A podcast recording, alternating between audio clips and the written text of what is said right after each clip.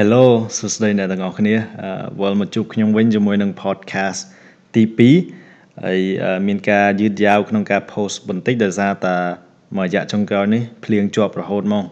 ចឹងឲ្យតែចាប់ផ្ដើមកាន់ microphone ហើយនិងកាមេរ៉ាថតភ្លៀងចាប់ផ្ដើមធ្លាក់ដែរធ្វើឲ្យមានសំឡេងរំខានដល់ការថតរបស់យើងហើយក៏ចេះតែពជាពេលរហូតតាមអាកាសធាតុចឹងទៅអឺ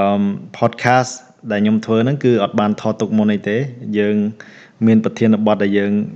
នឹងពិភាក្សានិយាយចែកម្លែកជាមួយគ្នាគ្រាន់ថាខ្ញុំចង់ចែកចម្លែក on the spot ហ្មងពីបទពិសោធន៍គឺថានិយាយអីស្ដែងស្ដែងគឺអត់ចង់ឲ្យមានសរសេរជា script ជាអីអញ្ចឹងបានន័យថាអ្វីដែលខ្ញុំចែកម្លែកកន្លងមកវាការនិយាយស្ដីវាអាចថាវាញ៉ៃញ៉ៃបន្តិចប៉ុន្តែសង្ឃឹមថាអ្នកទាំងអស់គ្នាកាត់ន័យយល់អឺ ថ្ងៃហ្នឹងយើងនឹងលើកយកមកចែកចម្លែកអ្នកទាំងអស់គ្នាជាមួយនឹងប្រធានបទតកតងនឹងសុខភាពផ្លូវចិត្តម្ដងទៀតហើយអឺវារៀងមានន័យជ្រៅបន្តិចហើយអាចថាជាប្រធានបទមួយដែលក្តៅកគុករឿងភ័យដែរព្រោះអីយើងអត់អត់អត់មានអំណាចអត់មានឯកទេសអីទៅបញ្យលប្រធានបទហ្នឹងឲ្យបានក្បោះក្បាយតាមតាអ្វីដែលអ្នកទាំងអស់គ្នា រំពឹងទុកទេគ្រាន់តែខ្ញុំនឹងព្យាយាមឲ្យអស់ពីលទ្ធភាពក្នុងការបញ្យលពីប្រធានបទមួយហ្នឹងហើយចែករំលែកបទពិសោធន៍មួយចំនួន ដែលតាក់ទងជាមួយនឹងប្រធានបទហ្នឹងដែរអឺថ្ងៃហ្នឹងយើងនឹងនិយាយអំពី existential crisis ប្រហែលជាអ្នកទាំងអស់គ្នាធ្លាប់ឆ្លងកាត់ហើយហើយបញ្ហាហ្នឹងមិនថាតែអឺ មនុស្សចាស់មនុស្សក្មេងឬក៏អ្នកណាមកពីណាពីណីទេគឺខ្ញុំគិតថាធ្លាប់ឆ្លងកាត់ existential crisis គ្រាន់តែគាត់មិនដឹងខ្លួនខ្លួនឬក៏មិនដឹងថាអានឹងជាអីអឺ existential crisis ហ្នឹងបើយើងបកប្រែជាភាសាខ្មែរវារៀងពិបាកបកបន្តិចអឺនៃចំវាអាចថា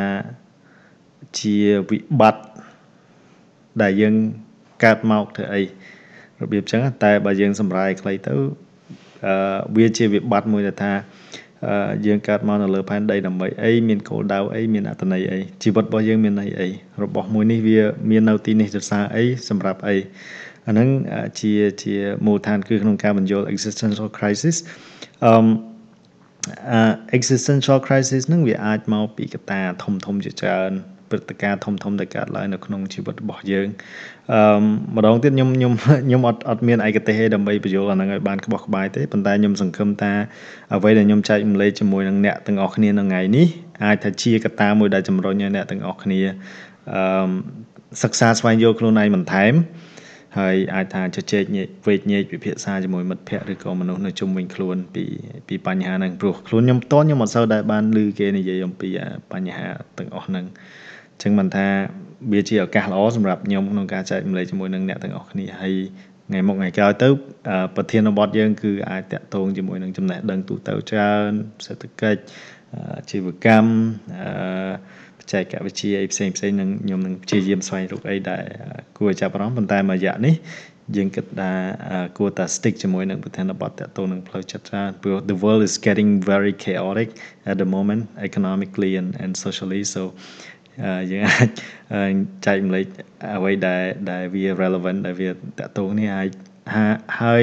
សង្ឃឹមថាវាអាចផ្ដល់នៅ positive vibe ឬក៏ energy ទៅដល់អ្នកទាំងអស់គ្នាក្នុងកំឡុងពេលហ្នឹងអូខេ existential crisis គឺអឺបើយើងពន្យល់ទៅគឺវាថាអឺ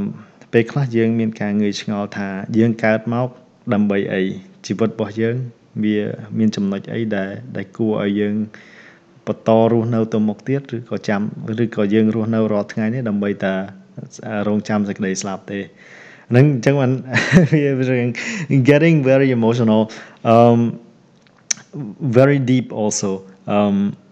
ខ្ញុំអាចតាក់ទងខ្ញុំអាចចែករំលែកជាមួយអ្នកទាំងអស់គ្នាតាក់ទងជាមួយនឹងពេលវេលាដែលខ្ញុំទៅតែរៀនចប់ពីសាកលវិទ្យាល័យហើយសម្រាប់ចិត្តស្វែងរកការងារធ្វើ នៅនៅស្រុកគេកំឡុងពេលដែលខ្ញុំធ្វើការហ្នឹងគឺខ្ញុំឆ្លងដល់ដំណាក់កាលមួយដែលថាខ្ញុំគិតថាខ្លួនឯងមាន existential crisis ដោយសារតែទី1ការងារដែលយើងធ្វើនៅក្រុមហ៊ុនហ្នឹងវាអត់មានន័យសម្រាប់យើងអញ្ចឹងយើងអត់ដឹងថាយើងនៅក្រុមហ៊ុនហ្នឹងធ្វើអីអត់ដឹងថាយើងនៅទីក្រុងហ្នឹងធ្វើអីអញ្ចឹងរាល់ថ្ងៃគឺថាក្រោកពីគេងម៉ោង6ម៉ោង7ព្រឹក ញ៉ាំអីហើយទៅជិះឡានក្រុងទៅធ្វើការចេញពីធ្វើការអឺមកផ្ទះវិញដាំបាយញ៉ាំគេងក្រោកពីគេងទៅធ្វើការអញ្ចឹងអាទម្លាប់ហ្នឹងវាវា repeat វាកើតឡើងដដែលដដែលពេកហើយយើងអត់ដឹងថាខ្លួនឯងរាល់ថ្ងៃទៅធ្វើការដើម្បីអីដើម្បីតាតាលុយដើម្បីតាអឺ escape from a ដើម្បីរត់គេចចេញពីអាអា challenge ទាំង lain ដែលដែលយើងចង់ដែលយើងអត់អត់អត់ចង់ជួបប្រទះជាមួយឬក៏យ៉ាងណាយ៉ាងណាយើងអត់ដឹងអញ្ចឹងពេលដែលពេលដែលខ្ញុំរនៅស្រុកគេហើយធ្វើការនៅទីក្រុងហ្នឹងគឺថាយើងមានគោលបំណងមួយគោលបំណងសម្រាប់ខ្ញុំគឺអឺ ចេញពីសាលាចូលធ្វើការអន្សំលុយដើម្បីត្រឡប់មកស្រុកខ្មែរវិញឬក៏អាចថាធ្វើជា motorcycle road trip ចង់ទៅលេងថៃចង់ទៅលេងវៀតណាមចង់ទៅលេងឡាវអីហ្នឹងតាមរយៈការជិះម៉ូតូដើរលេងហើយគិតថាយើងអត់ហ៊ានធ្វើដោយសារតាវាមានអាសម្ពាធមួយចំនួនហើយនឹងទំនួលខុសត្រូវមួយចំនួនដែលយើងមានកំឡុងពេលដែលខ្ញុំធ្វើការនៅហ្នឹងគឺអឺយើងចង់មានអាសន្តិភាពអាសន្តិសុខខាងហិរញ្ញវត្ថុដែរតាម financial security អញ្ចឹងអញ្ចឹងក៏អត់ហ៊ានសម្រេចចិត្តថាយើងគួរទៅស្រុកខ្មែរវិញអត់គួរធ្វើអានឹងអត់អញ្ចឹងវាមានវាមានភាពមិនច្បាស់លាស់ច្រើននៅខាងមុខយើងអញ្ចឹងយើងក៏មួយថ្ងៃទៅមួយថ្ងៃចេះតែ stick around ធ្វើការដូចថាអត់អត់ហ៊ានអត់ហ៊ានសម្រេចចិត្ត ទៅណាទៅណីឆ្ងាយអញ្ចឹងណាហើយក៏ចេះតែគិតថាធ្វើការទៅធ្វើការសិនទៅធ្វើការសិនទៅអញ្ចឹងអឺ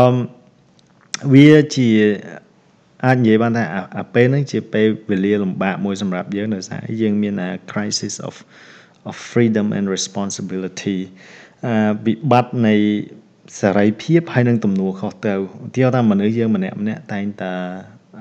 ចង់បានសេរីភាពក្នុងការសម្រេចចិត្តធ្វើអីមួយប៉ុន្តែការសម្រេចចិត្តទាំងអស់នោះត្រូវបាន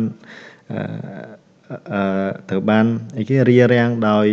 កត្តាមួយចំនួនឧទាហរណ៍ថាសម្ពាធសង្គមឬក៏បញ្ហាគ្រួសារឬក៏យើងដូចថាខ្វាយខ្វល់ច្រើនពេកពីការរិះគន់ពីអ្នកដតីអញ្ចឹងទៅវាធ្វើឲ្យយើងអត់ហ៊ានសម្រេចចិត្តអញ្ចឹងការសម្រេចចិត្តមួយមួយវាតែងតែមានណាគុណវិបត្តិដែលយើងនឹងត្រូវតែទទួលយកហើយនឹងមានទំនួលខុសត្រូវក្នុងការដោះស្រាយបើសិនជាការសម្រេចចិត្តយើងវាល្អវាត្រូវអញ្ចឹងជីវិតយើងវាមិនពិបាកទេយើងជោគជ័យហើយប៉ុណ្ណឹងប៉ុន្តែបើការសម្រេចចិត្តយើងខុសគឺយើងត្រូវការមានទំនួលខុសត្រូវក្នុងការស្វែងរកដំណោះស្រាយអីដើម្បីធ្វើឲ្យបញ្ហាទាំងអស់ហ្នឹងវាប្រសើរឡើងវិញសម្រាប់ខ្ញុំអឺសេរីភាពក្នុងការសម្រេចចិត្តខ្ញុំមានគ្រាន់ថាខ្ញុំអត់ហ៊ានសម្រេចចិត្តដោយសារតែការសម្រេចចិត្តរបស់ខ្ញុំហ្នឹងវាមានការរារាំងពីកត្តាហិរញ្ញវត្ថុក៏ដូចជាសម្ពាធពីសង្គមអឺ ឪពុកម្ដាយតែងតែប្រាប់កូនកូនថាអូកូនឯងទៅខំរៀនណាតែងតែបញ្ជូនកូនទៅរៀនប្រាប់អីថាខំរៀនរៀនបានបន្ទុកខ្ពស់ចូលសាកលវិទ្យាល័យល្អចេញពីសាកលវិទ្យាល័យចូលធ្វើការនៅក្រុមហ៊ុននេះក្រុមហ៊ុននោះដើម្បីអឺបន្សំលុយដើម្បីបានប្រាក់ខែខ្ពស់បន្សំលុយច្រើនទិញឡានទិញផ្ទះបង្កើតគ្រួសារបង្កើតកូនបង្កើតចៅអីចឹងទៅ ជីវិតវាអត់ត្រង់ស្លូអញ្ចឹងវាមានដំណាក់កាលមួយវាស្លុយដែរខ្ញុំពេលដែលយើងរៀនចិត្តចប់ពីសាកលវិទ្យាល័យហើយនឹងពេលដែលចិត្តចប់ពីវិទ្យាល័យគឺយើងសាកលវិទ្យាល័យ sorry ខ្ញុំស្លុយហ្មងអត់ដឹងថាខ្លួនឯងចង់បានអីចង់ធ្វើអីចឹងហើយអាអាព្រឹត្តិការណ៍ដែលយើងនឹងនឹងដូចថាផ្លាស់ប្ដូរពីចំណុចមួយទៅចំណុចមួយវាគួរឲ្យខ្លាចវាអត់ច្បាស់លាស់អញ្ចឹងយើងចេះតែយើងចេះតែពិបាកពិបាកហើយពេលដែលយើងបានការងារធ្វើហើយអាពេលដែលយើងសម្រេចចិត្តចង់ធ្វើអីដែលដែលបំពេញតាមសេចក្តីបំណងសេចក្តីចង់បានរបស់យើងហ្នឹងវាអត់បានទៀតដោយសារការសម្រេចចិត្តរបស់យើងវាវាអឺវាវាធំពេកអញ្ចឹងយើងខ្លាចហើយខ្លាចខ្លាចថាយើងយើង break អា social norm អាអារបៀបថាអា ផ្នត់គំនិតរបស់សង្គមថាអូអ្នកឯងទៅរៀនចប់រកការងារធ្វើរកអីហ្នឹងយើងយើងខ្លាចយើងខ្លាចយើងអឺធ្វើអត់បានជោគជ័យដូចអ្វីដែលសង្គមប្រាប់យើងឲ្យធ្វើអាហ្នឹងវាអញ្ចឹងអញ្ចឹងនេះពីខ្ញុំទៅខ្ញុំខ្ញុំគិតថាឪពុកម្ដាយគ្រប់រូបគួរតែអនិយាយជាមួយកូនអញ្ចឹងថាថានិយាយជាមួយកូនថាវាមិនមែនតែអូអ្នកឯងត្រូវតែរៀនបកែចេញមកមានការងារល្អមានលុយច្រើនឬក៏ ចង់ធ្វើនេះធ្វើនោះបង្កើតគ្រួសារបង្កើតទិញផ្ទះអន្សំលុយទិញផ្ទះទិញឡានឲ្យទំនើបអីវាអត់អញ្ចឹងវាមានរឿងច្រើនដែលយើងគួរតែគិតនៅ ពីក្រោយអាកតាទាំងអស់ហ្នឹងដូចជាថាខ្លួនឯងធំទៅខ្លួនឯងគួររកអីដែលខ្លួនឯងចូលចិត្តចង់បានធ្វើអីដែលខ្លួនឯងសប្បាយហើយអញ្ចឹងអញ្ចឹងវាផ្ដល់នៅអាអាដូចថា mindset មួយដែលថាអូសេរីភាពក្នុងការសម្រេចចិត្តរបស់ខ្ញុំគឺវាអត់កំណត់ដល់ឯកតាទាំងអស់នោះ ហើយអញ្ចឹងអា crisis of of freedom and responsibility អានឹងដែលដែលជាអឺកត្តាមួយដែលដែលជួយឲ្យយើងអឺដែលដែលមិនអាវិបត្តិនៃសេរីភាពហើយនឹងទំនួលខុសត្រូវហ្នឹងវាធ្វើឲ្យយើង struggle ធ្វើឲ្យយើងដូចថាពិបាកក្នុងការទទួលបានជោគជ័យពេលដែលធ្វើអីមួយ ទីតែខ្ញុំអញ្ចឹងអឺបើសិនជាខ្ញុំធ្វើនៅធនាគារហើយខ្ញុំនៅតែធ្វើនៅនឹងទៀតខ្ញុំមិនដឹងថាអើវាចេះតែវាចេះតែទៅមុខហើយគាត់ថា in terms of uh, getting like successful in life របៀបថា in happiness អីចឹងធ្វើឲ្យយើងមានសុភមង្គលអត់ធ្វើឲ្យជីវិតយើងមានន័យអត់វាអត់វាអត់ដោយសារអីដោយសារតែយើងអត់ចូលចិត្តការងារនឹងផងហើយ បើយើងចង់សម្រេចចិត្តផ្លាស់ប្ដូរទៅធ្វើអីផ្សេងទៀតយើងខ្លាចគេរិះគន់ខ្លាចមតិពីអ្នកដតីខ្លាចគ្រួសារថាឲ្យឯងបានចូលធ្វើការនៅក្រុមហ៊ុនធំដែរបានប្រាក់ខែច្រើនដែរមិនបានបោះបង់ចោលទៅធ្វើនេះធ្វើនោះអីចឹងអញ្ចឹងវាវារបៀបថាធ្វើឲ្យយើងពិបាកក្នុងការទទួលបានជោគជ័យក្នុងការធ្វើអីមួយដែលខ្លួនឯងស្រឡាញ់ហើយពិបាកក្នុងការទទួលបានជោគជ័យដើម្បីទទួលបានសុភមង្គលផ្លូវចិត្តអីជាដើមហើយ អាហ្នឹងវាធ្វើឲ្យយើងបាត់បង់នៅអាសេចក្តីសុខហើយនិងសេចក្តីសប្បាយរីករាយនៅក្នុងខ្លួនយើង វាអាចធ្វើឲ្យយើងកើតទៅជា stress ជា depression ជាអីចឹងទៅអូខេអាហ្នឹងជាកត្តាធំមួយដែលជំរុញឲ្យយើងមាន existential crisis កត្តាទី2គឺថាពេលដែលខ្ញុំអឺនៅរៀនហ្នឹងខ្ញុំអត់មានអារម្មណ៍ថាខ្លួនឯងចោះចំណោមជាមួយនឹងអ្នកដែលនៅក្នុងក្រុមហ៊ុនហ្នឹងក៏ដូចជាសហគមន៍មួយហ្នឹងអញ្ចឹងខ្ញុំត្រូវព្យាយាមស្វែងរកកន្លែងណាដែលខ្ញុំអាចអាចចេញទៅជួបមនុស្សដែលមានអឺគុណតម្លៃអឺចក្ខុវិស័យឬក៏ក្តីបំណងអីដូចដូចគ្នាស្តៀងស្តៀងគ្នាអានឹងមិនស្រួល you know និយាយជជែកភាសាមួយគ្នាមានអារម្មណ៍ថាយើង belong ទៅក្នុងសហគមន៍នឹងឬក៏យើងអាចចោះចំណោមជាមួយគេជាមួយឯងបានអញ្ចឹងណាអឺអាអាកតាហ្នឹងឯងដែលធ្វើឲ្យខ្ញុំសម្រេចចិត្តត្រឡប់មក ខ្មែរវិញហើយពេលដែលខ្ញុំមកដល់ខ្មែរវាអាហ្នឹងវាតកតងទៅនឹងអាកតាទី1ទៀតណារបៀបថាអឺយើងវាមានព្រឹត្តិការណ៍ធំធំដែលយើងទៅផ្លោះពីពីចំណុចមួយទៅចំណុចមួយហើយវាមានភាពអត់ច្បាស់លាស់ច្រើនប៉ុន្តែយ៉ាងណាក៏យើងសម្រេចចិត្តធ្វើវាហើយខ្ញុំអត់ស្ដាយក្រោយជាមួយនឹងការសម្រេចចិត្តនេះព្រោះថាយ៉ាងហើយណាក៏យើងបានបានអឺបានសម្រេចចិត្តធ្វើអីដែលយើងចង់ធ្វើ ហើយការសម្រេចចិត្តដូចខ្ញុំនិយាយអញ្ចឹងវាមានគុណវិបត្តិហើយនឹងមានទំនួលខុសត្រូវខ្ពស់ដែលយើងត្រូវតែទទួលអញ្ចឹងខ្ញុំសុខចិត្តទទួលទំនួលខុសត្រូវទាំងអស់ហ្នឹងឲ្យត្រឡប់មកវិញដើរតាមអ្វីដែលខ្លួនឯងចង់ចង់ធ្វើចង់បានអញ្ចឹងពេលមកដល់យើងមានអារម្មណ៍មួយទៅថាខ្ញុំមិនដែរនៅភ្នំពេញផងហើយមិនដឹងជាទៅរកពីណាគេដែលខ្ញុំអាចនិយាយជាមួយបានអាចអាចនៅចោះចំណោមជាមួយគេជាមួយឯងបានអញ្ចឹងអាហ្នឹងវា ដំបូងឡើយគឺវាពិបាកពិបាកបន្តិចសម្រាប់ខ្ញុំដោយសារតែយើងអត់ស្គាល់ប៉ុន្តែខ្ញុំព្យាយាមរងថ្ងៃខ្ញុំព្យាយាមជួបមនុស្សថ្មីថ្មីខ្ញុំព្យាយាមស្វែងរកអ្នកណាគេដែលធ្លាប់ទៅរៀននៅស្រុកក្រៅហើយត្រឡប់មកស្រុកខ្មែរវិញអាចចែកម្លែកបទពិសោធន៍ស្តៀងស្តៀងគ្នាខ្សែជីវិតដំណើរផ្សងព្រេងស្តៀងស្តៀងគ្នាអញ្ចឹងយើងជួបគ្នានិយាយភាសាគ្នាស្គាល់គ្នាទៅវិញទៅមកយើងធ្វើឲ្យអារម្មណ៍របស់យើងហ្នឹងវា relax វាវាបានធូរស្បើយខ្លះដែរអាហ្នឹងអឺ អាចថាអ្នកដែលដែលមិនមានអាអាហ្នឹងគាត់អាចងាយនឹងធ្លាក់ចូលទៅក្នុងវិបត្តិ existential crisis គេហៅថា the crisis of um isolation and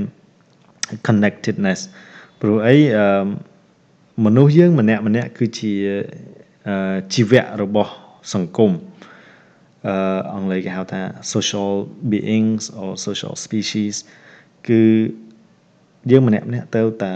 មានការប្រស័យតាក់ទងជាមួយគ្នាទៅវិញទៅមកនៅក្នុងសង្គមអត់អាចអត់អាចខ្វះបានទេអាហ្នឹងបើយើងរស់នៅតែឯងគឺជីវិតអត់មានន័យថាมันអាចมันអាចរស់បានมันអាចមិនដឹងជាអឺខ្ញុំវាមានករណីលើកលែងមួយចំនួនដែរប៉ុន្តែយើងត្រូវតែមានអា connected ណា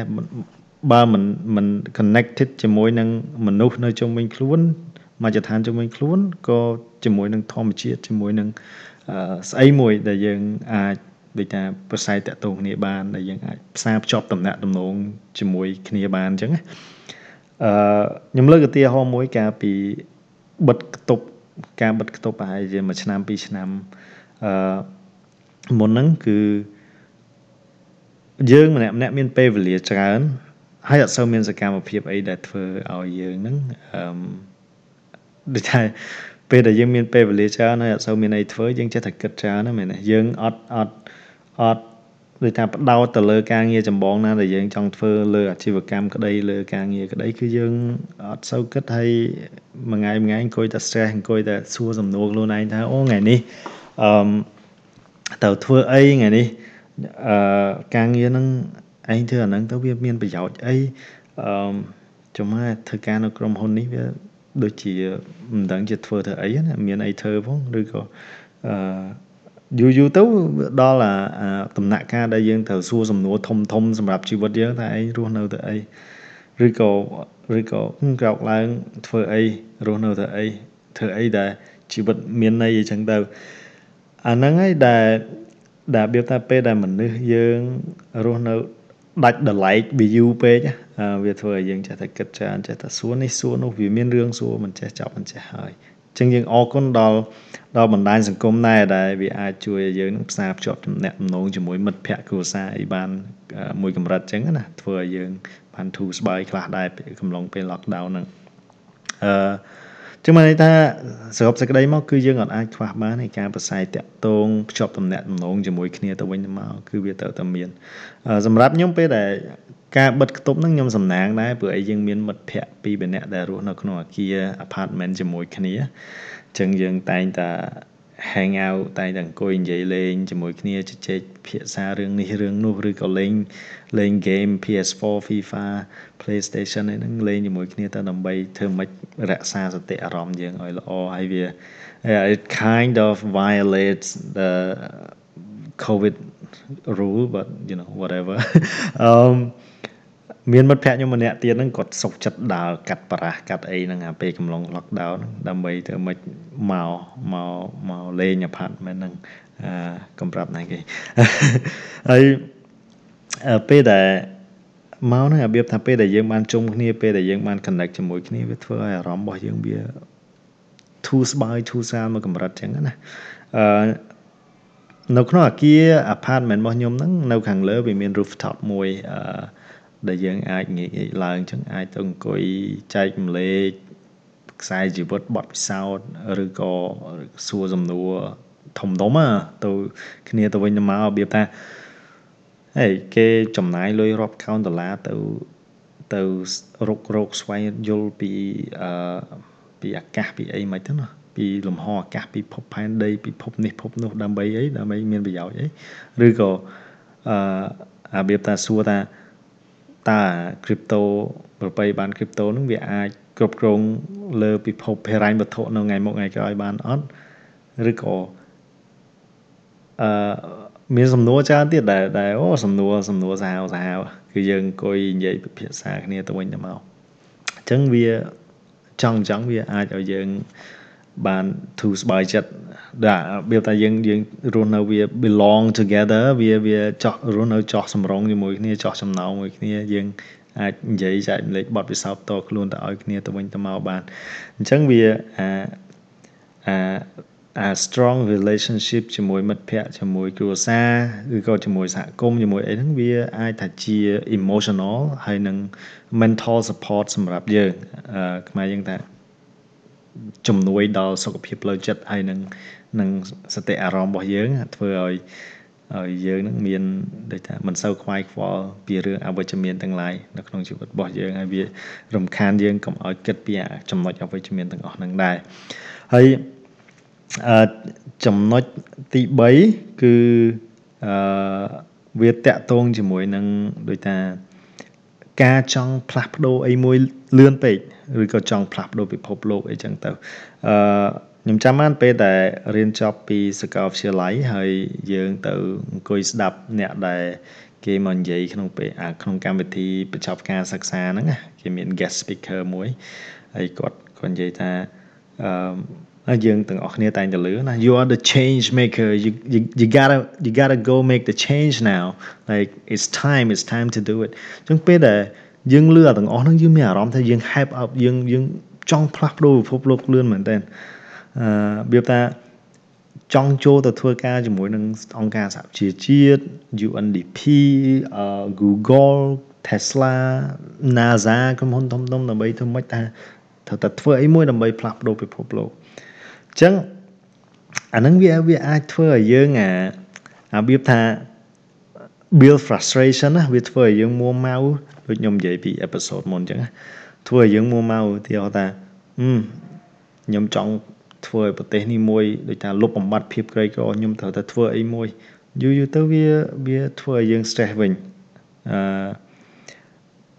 អាហ្នឹងខ្ញុំខ្ញុំអាចលើកយកឧទាហរណ៍មួយទៀតពេលដែលអង្គុយនិយាយគ្នាលើដំបូលផ្ទះនៅក្នុងអគារនៅលើអគារ apartment របស់ខ្ញុំហ្នឹងយើងអឺខ្ញុំមើលទៅលើអាកាសយើងឃើញមេឃយើងឃើញផ្កាយយើងឃើញទីក្រុងទាំងមូលហើយខ្ញុំក៏គិតក្នុងចិត្តខ្លួនឯងថាយើងពីរ બે នាក់ហ្នឹងអង្គុយលើ apartment ហ្នឹងគឺមើលទៅលើទីក្រុងយើងជាមនុស្សម្នាក់ក្នុងចំណោមប្រជាជន16លាននាក់17លាននាក់ តែបើយើងប្រៀបធៀបជាមួយនឹងអាផ្កាយផ្ខែ galaxy នៅលើមេឃហ្នឹងយើងគ្រាន់តែជាភាគល្អិតទូចមួយ ក្នុងចំណោមភាគល្អិតផ្សេងទៀតនៅលើពិភពលោកឯងបើបើយើងនិយាយទៅគឺយើងអត់មានសារៈសំខាន់អីសោះហ្មង like we are so insignificant ចឹងថ្មីថ្មីហ្នឹងអ្នកទាំងអស់គ្នាឃើញអត់មានរូបភាពមួយពីលំហអាកាស James Webb James Webb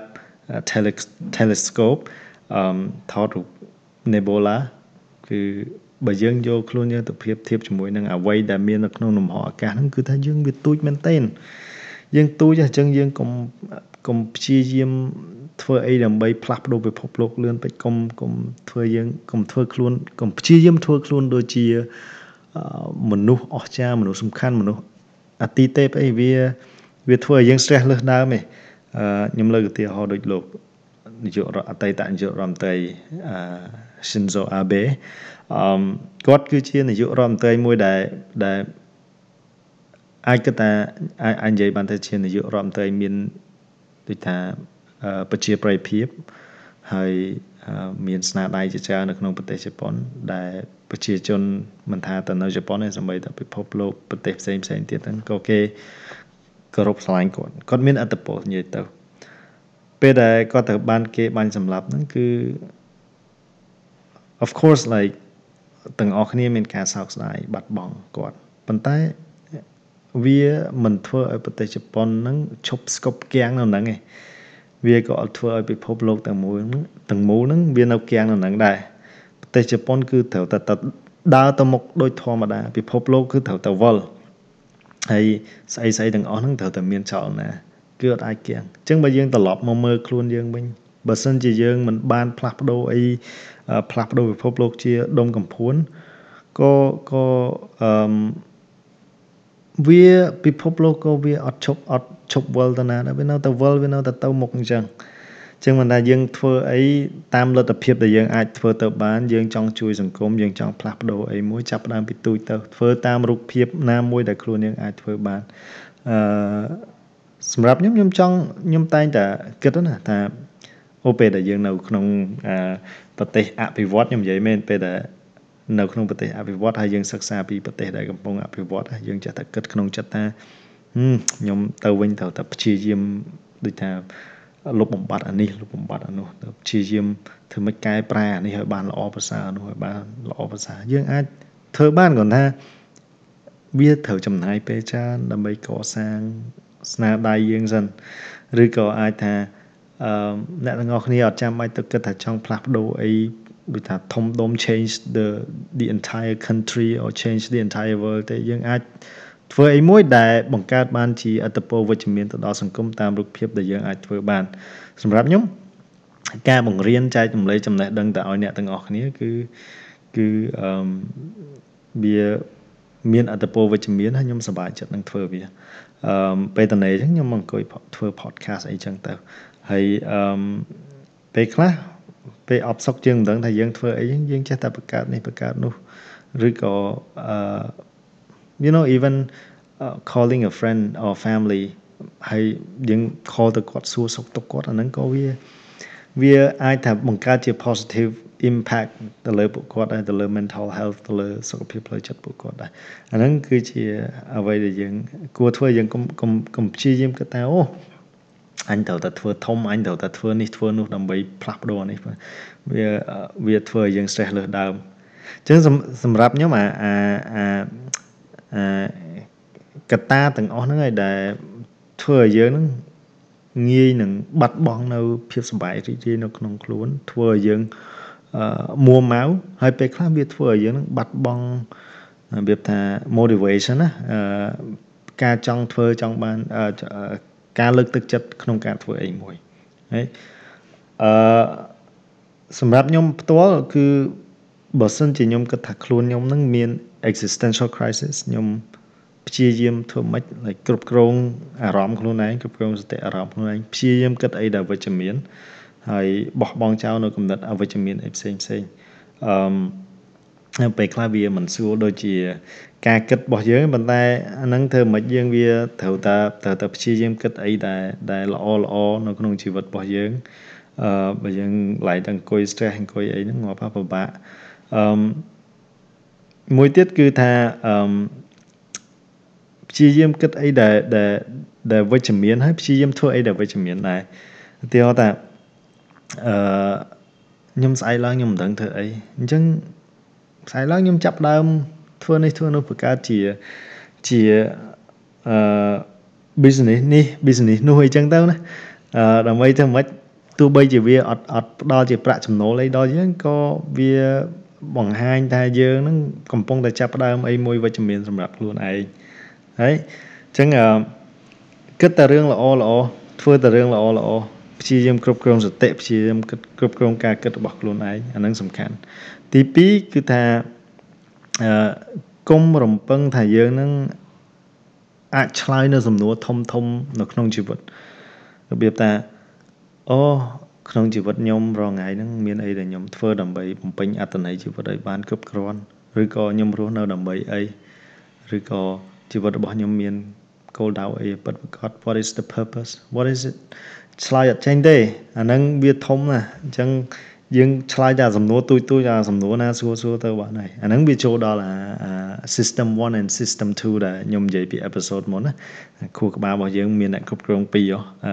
system 1ហើយ system 2 អា system 2ហ្នឹងវាព្យាយាមឆ្លើយសំណួរធំធំព្យាយាមឆ្លើយសំណួរពិបាកពិបាកហើយពេលខ្លះវាឆ្លើយបានពេលខ្លះវាឆ្លើយអត់បានហើយពេលខ្លះអាចម្លើយដែលយើងរកបានហើយវាអត់អត់បំពេញបំណងបំពេញអឺអឺដូចថាយើងអត់ចូលចិត្តទៀតហើយវាអត់ satisfy យើងចឹងក៏វាពិបាកដែរយើងទុកអា system 1វាវាឆ្លើយទៅព្រោះ system 1បកកែឆ្លើយអាសំណួរសួរសួរអាហ្នឹងគេហៅថា substitution effect នៅក្នុងចិត្តវិទ្យា substitution effect ហ្នឹងបានន័យថាពេលដែលវាមានសំណួរអីពិបាកពិបាកច្រើន system 1ព្យាយាមជំនួសអាសំណួរពិបាកពិបាកទាំងអស់ហ្នឹងជាមួយនឹងសំណួរស្រួលស្រួលហើយឲ្យអា system 2ហ្នឹងទៅដេកហើយ system 1ហ្នឹងធ្វើការទៅ right ទីអត់យើងសួរខ្លួនឯងថា what is the purpose of my life ហើយជីវិតយើងមានគោលដៅអីមានអត្ថន័យអីឆ្លើយអត់ចេញទេអញ្ចឹងជំនួសឲ្យការឆ្លើយសំណួរហ្នឹង យើងទៅសួរថាអូថ្ងៃនេះត្រូវធ្វើអីញ៉ាំណោះដើម្បីឲ្យឆ្ងាញ់ថ្ងៃនេះត្រូវការលេងកីឡាអីណោះដើម្បីឲ្យមានសុខភាពល្អឬក៏អានសភៅអីដើម្បីឲ្យសុបាយចិត្តមើលរឿងអីឲ្យសុបាយចិត្តធ្វើអីជាមួយមិត្តភ័ក្តិថ្ងៃនេះត្រូវធ្វើម្ហូបអី like អាអាអាសំណួរទូចទូចចឹងហើយដែលដែលធ្វើឲ្យយើងនឹងមានសតិអារម្មណ៍ keep us sane ណាវាធ្វើឲ្យយើងមានសតិអារម្មណ៍ល្អអញ្ចឹងអឺកុំរំពឹងថាយើងអាចឆ្លើយសំណួរគ្រប់សំណួរទាំងអស់បាន ហើយកុំរំពឹងថាយើងនឹងស្វែងរកចម្លើយដែលធ្វើឲ្យយើងនឹងសុបាយចិត្តពេលខ្លះវាអត់រត់បានគិតតែរឿងល្អល្អឆ្លើយសំណួរងាយងាយទៅអឺទី2ទី3គឺ open your mind open your mind ហ្នឹងបានន័យថាបើកចិត្តគំនិតរៀនសូត្រអីដែលថ្មីអឺជួបមនុស្សថ្មីថ្មី ព្រោះអីពេលដែលយើងជួបមនុស្សថ្មីថ្មីវាមានរឿងថ្មីថ្មីវាមានអ្វីដែលត្រូវស្វែងយល់ច្រើនរហូតមនុស្សម្នាក់រឿងមួយអញ្ចឹងវាមានរឿងច្រើនណាស់ដែលដែលត្រូវរៀនសូត្រតាមហើយអញ្ចឹងធ្វើម៉េចឲ្យឲ្យឲ្យអឺយើងនឹងបើកចិត្តគំនិតឲ្យទូលាយ open our mind adapt ឬក៏ adopt a growth mindset អឺខ្ញុំធ្លាប់និយាយជាមួយនឹងអឺ កូនស្រីម្នាក់ដែលនៅចិត្តផ្ទះខ្ញុំគាត់អឺសួរខ្ញុំថាបងឯងមកខ្មែរវិញអត់ពិបាកទេព្រោះអត់តែនៅអឺមិនថាមកខ្ញុំមិនមែនតែនៅខ្មែរតែនៅទីក្រុងតែនៅភ្នំពេញថ្ងៃអត់ពិបាកទេរោមិត្តភ័ក្ដិរកអីខ្ញុំថាវាពិបាកពិបាកហើយប៉ុន្តែបើសិនជាយើងពិបាកហើយយើងព្យាយាមអត់បើកចិត្តគំនិតទលាយជួបអ្នកនេះជួបអ្នកនោះអញ្ចឹងយើងធ្វើមិនបានស្គាល់គេបាន connect ជាមួយគេទៅវិញទៅមក right អានោះវាចូលដល់ចំណុចមួយពេលដែលខ្ញុំរៀននៅវិទ្យាល័យពេលដែលទៅនោះដំបូងគឺភាសារបស់យើងវាវាអត់ប្រកែអញ្ចឹងយើងនិយាយអីទៅយើងចេះតែខ្លាចចិត្តគេខ្លាចរបៀបថាខ្លាចគេស្ដាប់អត់យល់អញ្ចឹងទៅយើងនិយាយខុសទៅវាខ្មាស់គេវាអីចឹងទៅអញ្ចឹងឲ្យតែពេលចេញពីរៀនគឺថាទៅបន្ទប់ខ្លួនឯងចាក់សោអត់ជួបពេលណាទាំងអស់អញ្ចឹងឬក៏បើសិនជាដល់ពេលដែល ធ្វើសកម្មភាពអីរួមជាមួយអ្នកអ្នករៀននៅជាមួយគ្នាគឺព្យាយាមកិច្ចវេះអឺអាហ្នឹងគឺជាការសោកស្ដាយធំបំផុតសម្រាប់ខ្ញុំខ្ញុំគិតថាជូនចំពោះបងប្អូនដែលដែលទៅរៀននៅស្រុកក្រៅក្តីក៏មករៀននៅភ្នំពេញក្តីឬក៏ទៅរៀននៅសាលាផ្សេងក្តី like បើកចិត្តគំនិតខ្លួនឯងឲ្យទលាយហើយព្យាយាមធ្វើអារឿងទាំងអស់ហ្នឹងព្រោះរឿងទាំងអស់ហ្នឹងហើយដែលដែលដែលធ្វើឲ្យយើងស្គាល់គេកាន់តែច្រើនធ្វើឲ្យយើងនឹងឆាប់ចោះចំណោមជាមួយគេហើយ ហើយរបៀបថាស្វែងរកសហគមន៍មួយដែលយើង belong ដែលដែលយើងអាចរស់នៅដែលយើងអាចរស់នៅជាមួយបានអីចឹងទៅអាហ្នឹងគឺ open my mind ត្រឡប់មកសាច់រឿងកូនស្រីដែលខ្ញុំនិយាយជាមួយវិញគឺគាត់សួរខ្ញុំហើយខ្ញុំក៏ឆ្លើយទៅឲ្យគាត់វិញហើយគាត់ថាខ្ញុំបាក់បងខ្ញុំអឺនៅពេញហ្នឹងគឺរបៀបថាខ្ញុំចូលចិត្តរឿង anime រឿងអីចឹងណាតែ មិត្តរួមថ្នាក់របស់ខ្ញុំគាត់អត់មានពីណាចូលចិត្តសោះហើយពេលហ្នឹងខ្ញុំក៏នឹកឃើញខ្ញុំឃើញនៅក្នុង Facebook គេមានអា cosplay event មួយនៅ factory ភ្នំពេញអីសាសាឡាយហ្នឹងគេស្លៀកពាក់ជា Japanese anime អញ្ចឹងទៅដើម្បីទៅចូលរួមថាឥឡូវទៅសាកកម្មវិធីនេះមើលខ្ញុំក៏ផ្ញើ link ទៅឲ្យគាត់គាត់ទៅចូលរួមចូលរួមទៅក៏គាត់ចាប់ផ្ដើម hang out ជាមួយនឹងមិត្តភ័ក្តិ អឺដែលគាត់ជួបនៅ factory ដែលមានអាអាចំណងចំណូលចិត្តមានទម្លាប់អីដូចគាត់អាហ្នឹងគឺបើសិនជាយើងគិតថាខ្លួនឯងអត់អត់ចោះសម្រងជាមួយនឹងសហគមន៍នេះសហគមន៍នោះទៅយើងព្យាយាមទៅស្វែងរកសហគមន៍មួយ community មួយដែលយើងដែលយើងគិតថាយើងអាចចោះសម្រងយើងអាច belong បានអញ្ចឹងអា open your mind open to to connection ហ្នឹងវាសំខាន់ក្នុងការ tackle uh, uh, existential crisis ដែរ right អញ្ចឹងអូហោហែហោហែមែនតើអឺមួយទៀតចំណុចចំណុចដែលដែលកត្តាមួយទៀតដែលធំបំផុតហ្នឹងខ្ញុំចង់ឲ្យអ្នកទាំងអស់គ្នាចាំគឺថាកុំព្យាយាមផ្លាស់ប្ដូរពិភពលោកលឿនពេកធ្វើអីមួយតូចក្តីច្រើនក្តីតាមតែយើងអាចធ្វើបានក្នុងរូបភាពណាមួយដែលយើងអាចទទួលបានធ្វើយើងសប្បាយចិត្តយើងធ្វើទៅ ប៉ុន្តែខ្ញុំគិតថាអូអញត្រូវតែផ្លាស់ប្ដូរពិភពលោកនេះឲ្យឲ្យវាបានប្រសើរជាងនឹងឲ្យវាល្អជាងនឹងអាហ្នឹងវាធ្វើឲ្យយើងសេះលើសដើមទេ វាមានតែធ្វើឲ្យយើងមួម៉ៅព្រោះអ្វីដែលយើងធ្វើវាធំពេកហើយយើងធ្វើវាអត់បាន ក្នុងរយៈពេលខ្លីវាត្រូវការចំណាយពេលហើយអឺបើសិនតនេតនេអញ្ចឹងទៅ volunteer ឬសម្រាមធ្វើនេះធ្វើនោះឬក៏ ឬក៏ថាបង្កើតជាអាជីវកម្មអីមួយលេងលេងខ្លួនឯងអញ្ចឹងណាដើម្បីឲ្យឲ្យសតិអារម្មណ៍របស់យើងនឹងវាវាល្អឬក៏អាចថាហៅមិត្តភ័ក្តិមកអង្គុយនិយាយគ្នាលេងជជែកគ្នាពីនោះពីនោះទៅញ៉ាំអីជុំគ្នាទៅជិះកង់ហាត់ប្រាណអីជុំគ្នាអញ្ចឹងទៅវាអាច distract យើងកុំឲ្យគិតអាអាមិនថាផ្លាស់ គំនិតចង់ផ្លាស់ប្ដូរពិភពលោកហ្នឹងវាអវិជ្ជមានទេប៉ុន្តែដូចថាវាកុំឲ្យយើង stress អារឿងដែលថាយើងផ្លាស់ប្ដូរពិភពលោកនឹងអត់បានលឿនដូចតាមចិត្តដែលយើងចង់បាន right អូខេអញ្ចឹងអឺ again អឺដូចខ្ញុំនិយាយយើងគឺជាភាគល្អិតទូចមួយអឺ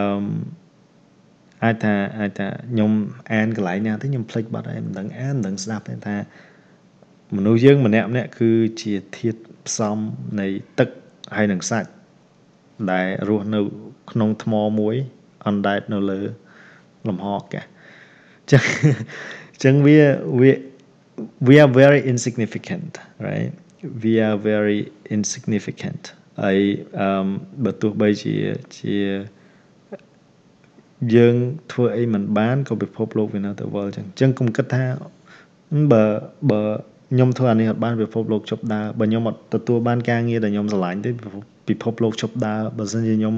អត់អាចផ្លាស់ប្ដូរអានេះបាននោះបានទេសង្គមវាជប់ទៅមុខវាជប់អត់មានពីណាគេធ្វើការអីវាអត់អញ្ចឹងទេ in reality ការពិតទៅ like វានៅតែទៅមុខចឹងចឹងអឺយើងព្យាយាមធ្វើអីដែលដែលដែលដែលផ្ដល់នៅសេចក្តីសុខផ្លូវចិត្តនៅក្នុងខ្លួនរបស់យើងឲ្យបានច្រើនអឺធ្វើជាមនុស្សដែលគិត វិជ្ជមានច្រើនធ្វើរឿងដែលជះឥទ្ធិពលវិជ្ជមានច្រើននៅក្នុងសង្គមអាហ្នឹងគេវាជាការរួមចំណែកមួយ ក្នុងការផ្លាស់ប្ដូរពិភពលោកធ្វើរឿងដែលប្រសើរសម្រាប់ពិភពលោកសម្រាប់ប្រជាជនសម្រាប់អ្វីៗគ្រប់យ៉ាងនៅជុំវិញខ្លួនយើងអូខេអញ្ចឹងអឺ podcast ថ្ងៃនេះវារឿងរឿង serious រឿង emotional គ្រាន់តែខ្ញុំអឺអត់អាច ដូចខ្ញុំលើកឡើងពីពីដំបូងអញ្ចឹងអត់អត់មានឯកទេសបញ្យលអាហ្នឹងឲ្យបានក្បោះក្បាយទេប៉ុន្តែសង្ឃឹមថាអ្នកទាំងអស់គ្នាយកអាហ្នឹងទៅគិតហើយនឹងជជែកពិភាក្សាជាមួយមិត្តភ័ក្តិរឿងហ្នឹងឲ្យបានទូលំទូលាយទៅបើសិនជាអ្នកទាំងអស់គ្នាមានបញ្ហាអីចង់ reach out ចង់ចង់មករកខ្ញុំ feel free អឺអាច message មកខ្ញុំយើងអាចនិយាយភាសាគ្នាបន្តទៀតឬក៏ចែករំលែកបទពិសោធន៍ដែលអ្នកទាំងអស់គ្នាជួបប្រទះស្តៀងស្តៀងខ្ញុំដែរអឺខ្ញុំនឹងរីករាយក្នុងការស្ដាប់ ហើយអ្វីដែលខ្ញុំនិយាយលើកឡើងកន្លងមកវារៀងអញញ៉ៃតិចពីចំណុចមួយទៅចំណុចមួយថាពិបាក connect គ្នា nhưng បើសិនជាអ្នកទាំងអស់គ្នាស្ដាប់អត់យល់អធិស្ឋានហើយ again សង្ឃឹមថាអ្នកទាំងអស់គ្នាអឺចំណាយពេលស្វែងយល់ពីបញ្ហាហ្នឹងឲ្យបានច្រើនហើយអឺ yeah ខ្ញុំខ្ញុំ I, I don't even know what I'm talking about anymore but uh, again អរគុណសម្រាប់ការអឺ តស៊ូស្ដាប់ខ្ញុំរហូតដល់ចុងបញ្ចប់ហើយអឺការស្ដាប់របស់អ្នកទាំងអស់គ្នាអាចថាជាជាកម្លាំងលើកទឹកចិត្តឲ្យខ្ញុំក្នុងការស្វែងរកប្រធានបទថ្មីហើយចែកម្លែកអីថ្មីថ្មីទៅដល់អ្នកទាំងអស់គ្នាដែរអូខេអញ្ចឹងខ្ញុំមានតែប៉ុណ្្នឹងឯងហើយអរគុណច្រើនសង្ឃឹមថាអ្នកទាំងអស់គ្នាវិលមក podcast ទី3របស់ខ្ញុំបន្តទៀតអូខេ bye